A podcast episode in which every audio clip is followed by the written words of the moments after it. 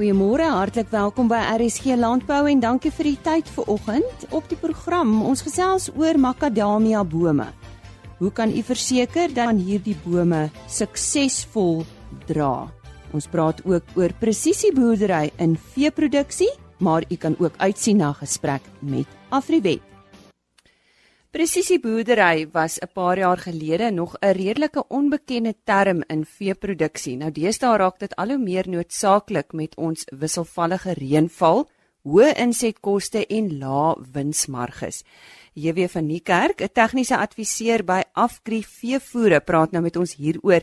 Nou JW, wat is die fondament van presisieboerdery in 'n kudde? En miskien kan jy dit net vir ons definieer. Elise, uh, baie dankie vir die geleentheid. Ehm um, ja, om net so 'n stapie terug te gaan as mens net kyk na presisie boerdery self, uh, dan beteken dit om om die regte aksie op die regte tyd te doen met betrekking tot voeding, teeling, gesondheid en bestuur. En sekerlik die belangrikste een en dan soos wat jy dit sal noem die fondament daarvan, sal ons sê is voeding die fondament daarvan. En ehm um, presisie voeding kan dan gedefinieer word as volg Ehm um, dis om die regte hoeveelheid voer in die regte nutriëntverhouding in die regte stadium van produksie vir die dier te gee om op die ouende 'n gesonde dier te hê wat optimaal produseer met die laagste moontlike omgewingsimpak. So wat is die belangrikste bestuursfases in 'n beesboerdery?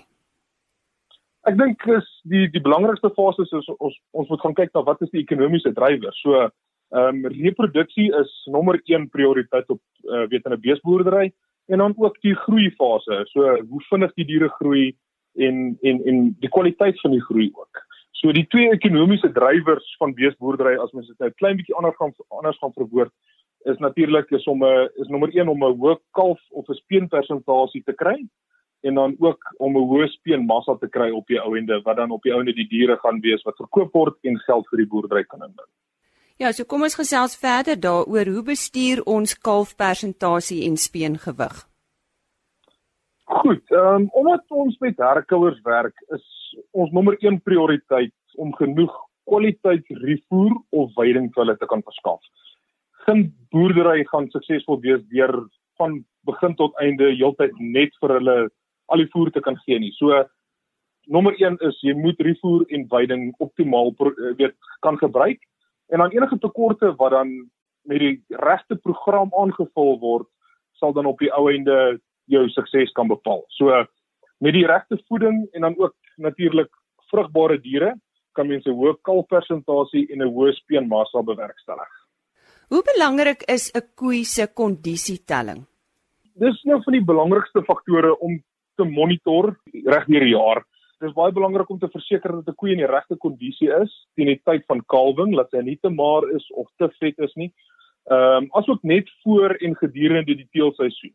So as 'n koe te maar gaan kalf, gaan sy natuurlik nie genoeg melk kan produseer uh om 'n swaar kalf te kan speen nie. En dan ook as sy nie in die regte kondisie is ehm um, teen teen die teelseisoen nie, dan gaan sy ook nie noodwendig weer beset raak nie. So dan sit mens mee onmoontlik met 'n koe wat gaan 'n jaar gaan mis en nie kalf kan produseer nie op die ou ende dan is sy net 'n passasier in die kudde. So dan vreet sy letterlik en figuurlik jou wins op. So dis baie belangrik om die kondisietelling van die diere reg te kry sodat jy uh weet 'n swaar kalf kan speen en dan laat die koe nie te maar is of te veel kondisie verloor om op die ou ende weer te kan beset raak 'n paar maande later nie. Jy weet praat bietjie met ons ook oor die kalfseisoen. Goed, tydens die kalfseisoen, ehm um, ons moet onthou dit dit in die in die normale omstandighede ehm um, weet val dit hier rondom September Oktober. Nou daai tyd van die jaar is die veidings baie skaars. Uh gewoonlik is dit wanneer die eerste reën begin val, maar dit reën ook nou nie gras nie. So ehm um, veiding is nog skaars en die tyd uh, wat die koei kalf gaan ons op die ou ende sit met 'n koei wat hoë nutriëntbehoeftes weet gaan hê. So ehm um, dit sal voordelig wees om so 4 tot 6 weke voor kalwing al te begin met byvoeding. So gewoonlik is die graskwaliteit nie goeie kwaliteit nie, so ons gee byvoeding vir hulle om hulle energie en hulle proteïen aan te vul. En dis ook die tyd wanneer die kalf of die fetus binne in die koei die meeste groei en ook die meeste nutriëntbehoeftes nodig het. So ehm um, 'n produksielek so 4 tot 6 weke voor die kalf tyd weet voor vooruit die kalwings begin is dit is sal baie voordelig wees en dit sal ook dan insluit ons moet mooi kyk na die energie, die proteïen asook die mineraalbehoeftes van die koei. So dit is dis redelik belangrik om net voor die kalfseisoen te begin met aanvullings en dan op die ou ende deurentyd nadat die kalf gebore is aan te hou met die aanvullings. Ja, want dan praat ons nou oor laktasie. Wat is belangrik? OK, tydens laktasie, ehm um, vir optimale melkproduksie, want dit optimale melkproduksie nodig om op die ouende 'n swaar kalf te kan speen. So vir dit benodig die koei genoeg energie asook goeie kwaliteit proteïen. Ehm um, 'n koei is geneig om tydens laktasie kondisie te verloor. Ehm um, so dit is baie belangrik om die kondisie wat hy verloor te beperk deur genoeg energie aan te vul asook goeie proteïenaanvulling in terme van kwaliteit proteïen om op die ouende hoë melkproduksie te kan lewer en op die ouende 'n swaar en 'n gesonde kalf te kan speen. Dit kan ook gedoen word nie noodwendig net deur 'n produksielek nie, maar ouens wat kuilvoer het of aangeplante weidings het, ehm um, dit sal natuurlik baie handig te staan kom as uh tydens laktasie en koeie wat hoë energiebehoeftes het. Om jy af te sluit hier weer, wat van die dekseisoen? OK. Die dekseisoen behoort saam te val in die tyd van die jaar wanneer die gehalte van die veld optimaal is. Dis min of meer November tot Februarie.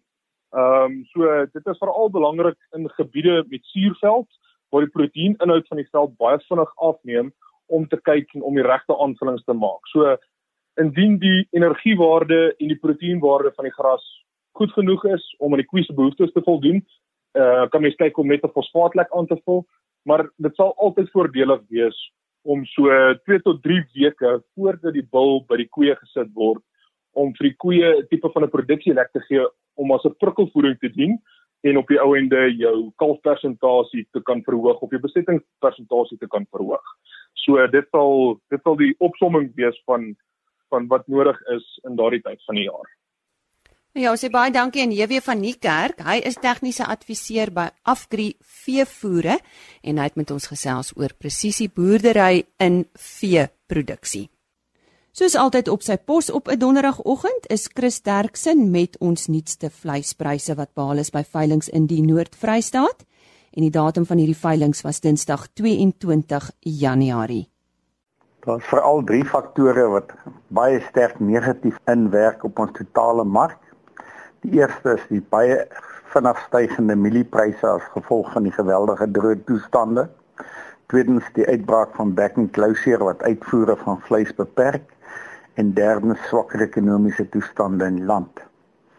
Ek gee vir julle presiese pryse: speenkalvers onder 200 kg R29.52 van 200 tot 250 kg R27.13 en oor 250 kg R25.09. A klasse R22.01, B klasse R20.04, C klasse vetkoeie R19.45 en maarkoeie het gewissel van R16 na R17.11. Slagbulle R21.15. Vanaf die skaapmark lammers R33.40 vir store en vetlam R29.92 per kilogram lewendig.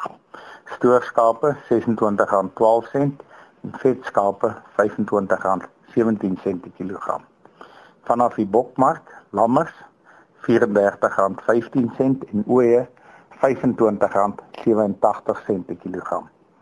En indien ons van enige verdere inligting kan wees, skakel maar enige tyd na 08280 75961 baie dankie.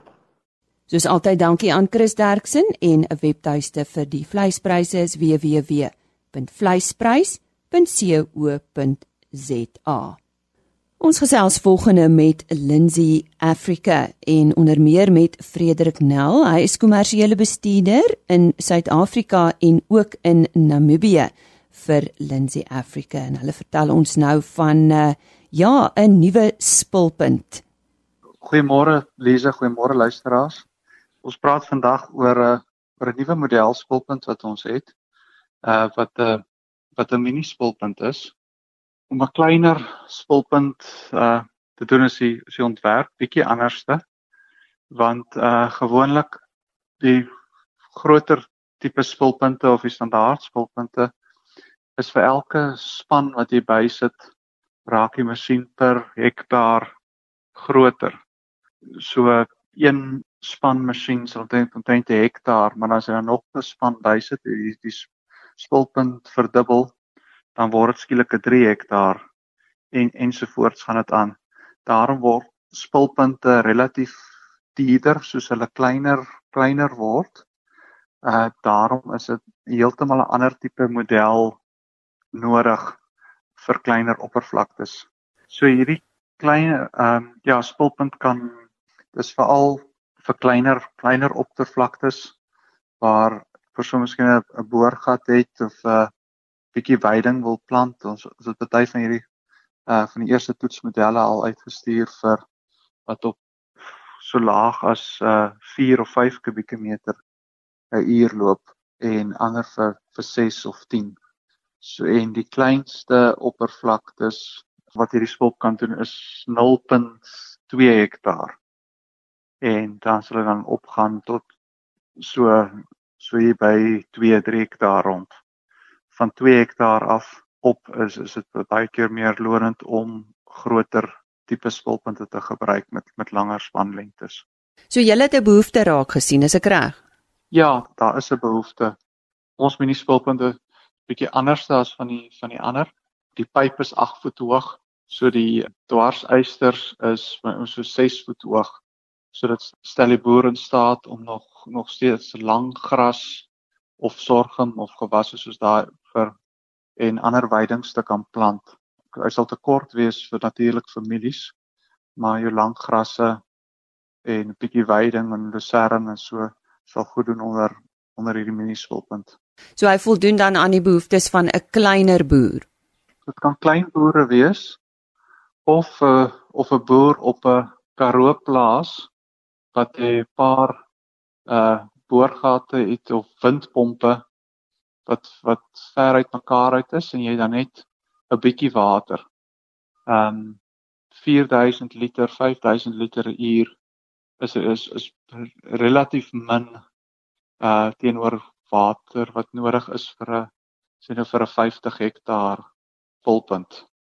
So as jy sê 'n klein halwe hektaar spulpunt het teenoor 'n 50 hektaar, dit is 1% van die van die oppervlakte. En dis ook al 1 1% van die van die hoeveelheid water benodig. So 'n boer kwai nou gewoon net 'n windpomp gehad het met 'n syplek vir die vir die diere. Ehm um, met hierdie spulpunt kan hy nou 'n stukkie lucerne of 'n stukkie ehm um, groen weiding of so naby sy sy diere plant of naby die, die sy plek uh, plant. Is daar verskeie spuitopsies?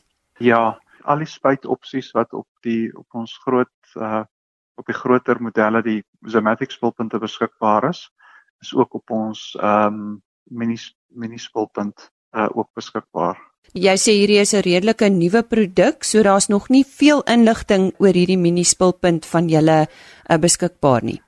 Nee, hierdie hierdie is um, ons deel van die Lindsay groep en ons het spulpunt fabrieke soos dit in Amerika, Brasilië, China, Europa en dan hier in Suid-Afrika, maar hierdie is 'n behoefte wat ons spesifiek sien in die in die Suider-Afrika mark. So ons bou hom bou hom net hierso in Suid-Afrika en ons het hom aangepas vir ons Suid-Afrikaanse toestande. Net uh, meer inligting, waar kan ons meer inligting bekom as daar van ons produsente is wat dalk wil gaan kyk hoe die ding lyk en hoe hy werk en en so aan? Ehm um, waar kan jy vir hulle heen lei, Frederik? Uh, hulle kan my op my selfoon kry. Dis 072 51 77 581 uh of op my e-pos frederik.nel@lindsayafrica.co.za of ons algemene um verkoops uh e-pos wat is sales@lindsayafrica.co.za Ons sê baie dankie aan Frederik Nel, hy's kommersiële bestuurder vir Lindsay Africa in beide Namibië en in Suid-Afrika en net weer sy selfoonnommer dit is 072 5177581. Ons sluit nou aan by Henny Maas.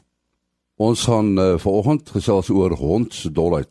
Ons het al so nou en dan in die program oor hierdie gevreesde siekte gesels. Ons praat nou met Elisna Bouhoek van Afriwet oor hierdie siekte en uh Elisna uh hoekom is dit so 'n gevaarlike siekte? En die rede hoekom dit so gevaarlik is is omdat daar geen behandeling is daarvoor nie. Um ons tolheid is 'n dodelike virale siekte wat ongelukkig gereeld sy kop uitsteek. Ons sien dit veral in Natal en in die Oos-Kaap. En ons noem dit 'n zoonose wat beteken dat die siekte versprei word na mense toe deur diere. En meeste die diere kan dit kry, makdiere en wilde diere en dit word gewoonlik oorgedra deur die byt van 'n die dier wat die siekte het. En die virus word dan in hoë konsentrasies aangetref in die speeksel van hierdie dier en die virus kry dan toegang tot die mens se stelsel deur die bytplek en migreer met die senuweestelsel vanaf die bytplek tot in die mens se brein waar die skade dan aangerig word. Ehm um, selfs krapmertjies en ander wonde in die vel kan ook lei tot infeksie indien die speeksel daarmee in aanraking kom. Nou wat wat is die simptome van hierdie siekte? Die hondsdolheid kan so lank as 20 tot 60 dae na die insident steeds die siekte veroorsaak. In sommige gevalle selfs langer tot en met 'n jaar. Vroeë simptome kan tot 'n mate onaanduidend wees, um goed soos koors, kopseer, moegheid, um naait, daai tipe van goed. En dan vroeg, ander vroeë simptome wat meer aanduidend is, is 'n prikkelende gevoel by die bytplek wat ook baie juk, um vreeslike angstigheid en die onvermoë om te slaap. En dan later wat die virus, soos wat die virus progresseer, raak die pasiënt oormatig prikkelbaar, baie aggressief en toon onbeheerbare gedrag. Um, hulle ontwikkel ook 'n irrasionele vrees vir water en kan ook glad nie sluk nie. En dan al al hierdie simptome is neurologies in aard en teen die einde kry hulle ook epileptiese aanvalle voordat hulle dan ten einde sterf. En as 'n mens nou gebyt word deur 'n hond wat dalk hondsdolheid het, wat moet 'n mens doen? Dis baie belangrik om die wond dadelik met vreeslik baie water en seep te was. Um, hulle praat van tot 10 minute onder 'n kraan staan met die wond om die speeksel wat in die wond is soveel moontlik te probeer verdun en hopelik infeksie dan so te voorkom. Um en dan ook om dadelik na die naaste mediese praktisyn toe te gaan. Um wat ook belangrik is as dit 'n hond is wat iemand se troeteldier is om te weet, jy weet, die hond of die dier um en jy weet te hou sodat mense as daar toetse nodig is dat mense hulle nog steeds in die hande kan kry. En is daar 'n behandeling vir die siekte? Nee, daar is geen behandeling nie. Sover het niemand dit nog ooit oorleef nie. Sodra die simptome begin, is daar ongelukkig niks wat gedoen kan word nie. As dit 'n hond is of 'n dier wat steeds in die omgewing is, soos ek genoem het, word die dier van kant gemaak, ehm um, sodat toetse gedoen kan word om te bepaal of die dier dit wel gehad het as dit positief toets of daar is 'n baie sterk vermoede dat die dier dit het, sal 'n profylaktiese nablootstelling ent gegee word. Um hierdie ent is nie in die ware sin van die woord soos wat mense gewoonlik ken nie, dis eintlik teen liggaampies wat deur mense se immuunstelsel gemaak is wat voorheen geënt was daarteen. So byvoorbeeld mense wat geënt is deur ons toelaat gaan om bloed te skenk um, om hulle serum te skenk vir hierdie teenliggaampies. Ehm um, hierdie behandeling is egter net suksesvol as die behandeling gegee word voordat simptome getoon word. En die moeilikheid met dit is uh ongelukkig is almal nie bewus daarvan nie en hulle soek dan eers hulp na die simptome reeds daar is en dan is dit ongelukkig te laat. En, en wat wat kan 'n mens doen om die siekte dan te beheer? Ehm um, diere wat vreemd optree of oormatig kwyl moet vermy word. Ehm um, byvoorbeeld uh, wilde diere wat wat skielik mak word um, of 'n vredelewende hond wat skielik baie aggressief geraak het teenoor mense wat hy gewoonlik goed ken. Die enigste manier om die siekte te beheer is egter om diere teen dit te ent. Dit is deel van enige troeteldier se jaarlikse inentingsprogram en eienaars moet die enting van hulle diere teen hondsdolheid baie ernstig opneem. En wat moet mense onthou? Wat is die belangrikste? Hondsdolheid is 'n baie ernstige dodelike siekte wat so ver moontlik voorkom moet word ek kan nie genoeg beklemtoon hoe belangrik dit is om diere hierteen te ent nie. Om 'n dier te sien wat ons verlei het is verskriklik, maar uh mense is nog soveel te soveel meer erger as as dit. So dis sal ek sê die belangrikste ding is die inenting en dan tweede belangrikste is mense optrede na 'n buiteinsident soos ek vroeër genoem het om die plek mooi mooi te was en so gou moontlik by dokter uit te kom. Ons sê baie dankie aan dokter eh, Elisna Bouk van Afriwet wat vanoggend gesels het oor die gevreesde siekte hondsdolheid. Die stem daar van Henny Maas. Ek gesels ver oggend met Barend van der Schuyf. Nou Barend is uh, algemene bestuurder daar by Valley Macadamias. Nou ja, soos jy kan hoor, gesels ons ver oggend oor makadamia neute en ook oor die kwaliteit en wat jy in ag moet neem as jy wil seker wil weet of vir jou makadamia neute van goeie kwaliteit is. Ja Barend, as ons nou goeie kwaliteit makadamia neute wil produseer, is daar natuurlik 'n paar faktore wat ons in ag moet neem. Kom ons begin by die voorbereiding van grond. Wat is belangrik? Jong, ek dink ehm um, as mens begin by die die die voorbereiding van die grond, begin mens met 'n uh, ontleding. 'n uh, Fisiese en chemiese grondontleding wat hulle gewoonlik vir jou doen as jy so 'n tipe projek wil aanpak. Waar hulle doen dit uh, hulle doen die ontleding en dan word daar besluit en jy gewoonlik 'n konsultant is maar die beste om vir jou uh, voorstelle te maak oor wat is nodig. Is 'n kruisrib nodig? Ehm um, is dit nodig om grondruwe te maak en dan ook watse chemiese regstellings benodig word om die die grond in so kom ons sê toestand te los sodat jy kan begin met die aanplantings. Watter klimaat is ideaal vir die groei van hierdie neut? Jong, makadamia is geaard goed in subtropiese klimaat. Ehm um, areas waar byvoorbeeld avokado's en papajas piesangs ook uh sou goed doen. Dit hou van hoë lughumiditeit dit uh, verbeter jou boomgroei. Ehm um, asook jou neutset en jou kernkwaliteit op die einde van die dag. Verlengde periodes uh, wat bo 30 grade sal uit die aard van die saak jou jou boom negatief en ook jou die res van die die ehm um, uh groei uh stelsel op uh, sleg beïnvloed. Hoe ver moet bome van mekaar af geplant word? Ons as groep ehm um, het huidige standaard wat 8 by 6 uh is. Ons plan dit in die eerste as ons plant plant ons 'n 8 meter en 'n 3 meter spasiering vir die eerste 6 jaar. Daarna haal ons elke tweede boom uit. Ehm um, dit is maar vir uh net volume in die eerste paar jaar van produksie te verbeter of te verhoog en wat dan ook jou omset per hektaar ehm um, ook bietjie uh verhoog. Maar na die 6 jaar ongelukkig die boom se grootte ehm um, uh, forceer mense dan om om of te besluit jy gaan baie meer spandeer aan snoei om die boom se se uh, uh se groei dan te beperk of dan om die wel een uit te haal waar dan die boom se spasie bietjie meer is wat jou dan toelaat om vir die res van die lewens uh, siklus van die boom um om te laat veilig groei en jou jou snoei daarvolgens dan hier te pas dit is moontlik om om bome nader te plant as wat ons huidige huidige standaard is, maar dit op die einde van die dag beïnvloed net die hoeveelheid snoei wat dan benodig word deur die boom. Hy gaan hom so die effens meer moet snoei en wat dan ook asook die insetkoste dan weer verhoog. Is dit belangrik dat kunsmis gereeld toegedien moet word? Die boom kort verskillende tipes kunsmis op verskillende groeistadiums. Ehm um, daarom is dit altyd om bevoegde konsultante te raadpleeg. Hulle gee normaalweg vir jou 'n kunsmisprogram meeste van die kunsmisaanwysings word gebaseer op blaar en grondontledings wat hulle dan vir jou sê ehm um, wat is heidaglik in die grond of en of in die boom beskikbaar en die programme word dan maandeliks uh stel hulle vir jou toedienings voor dit verander wel van persoonlike voorkeur maar dis gewoonlik 'n maandelikse uh 'n toediening wat gedoen moet word daar is spesifieke tye wat die boom sekere mikroelemente bietjie meer nodig het, soos net voor uh uh blom en net na blom.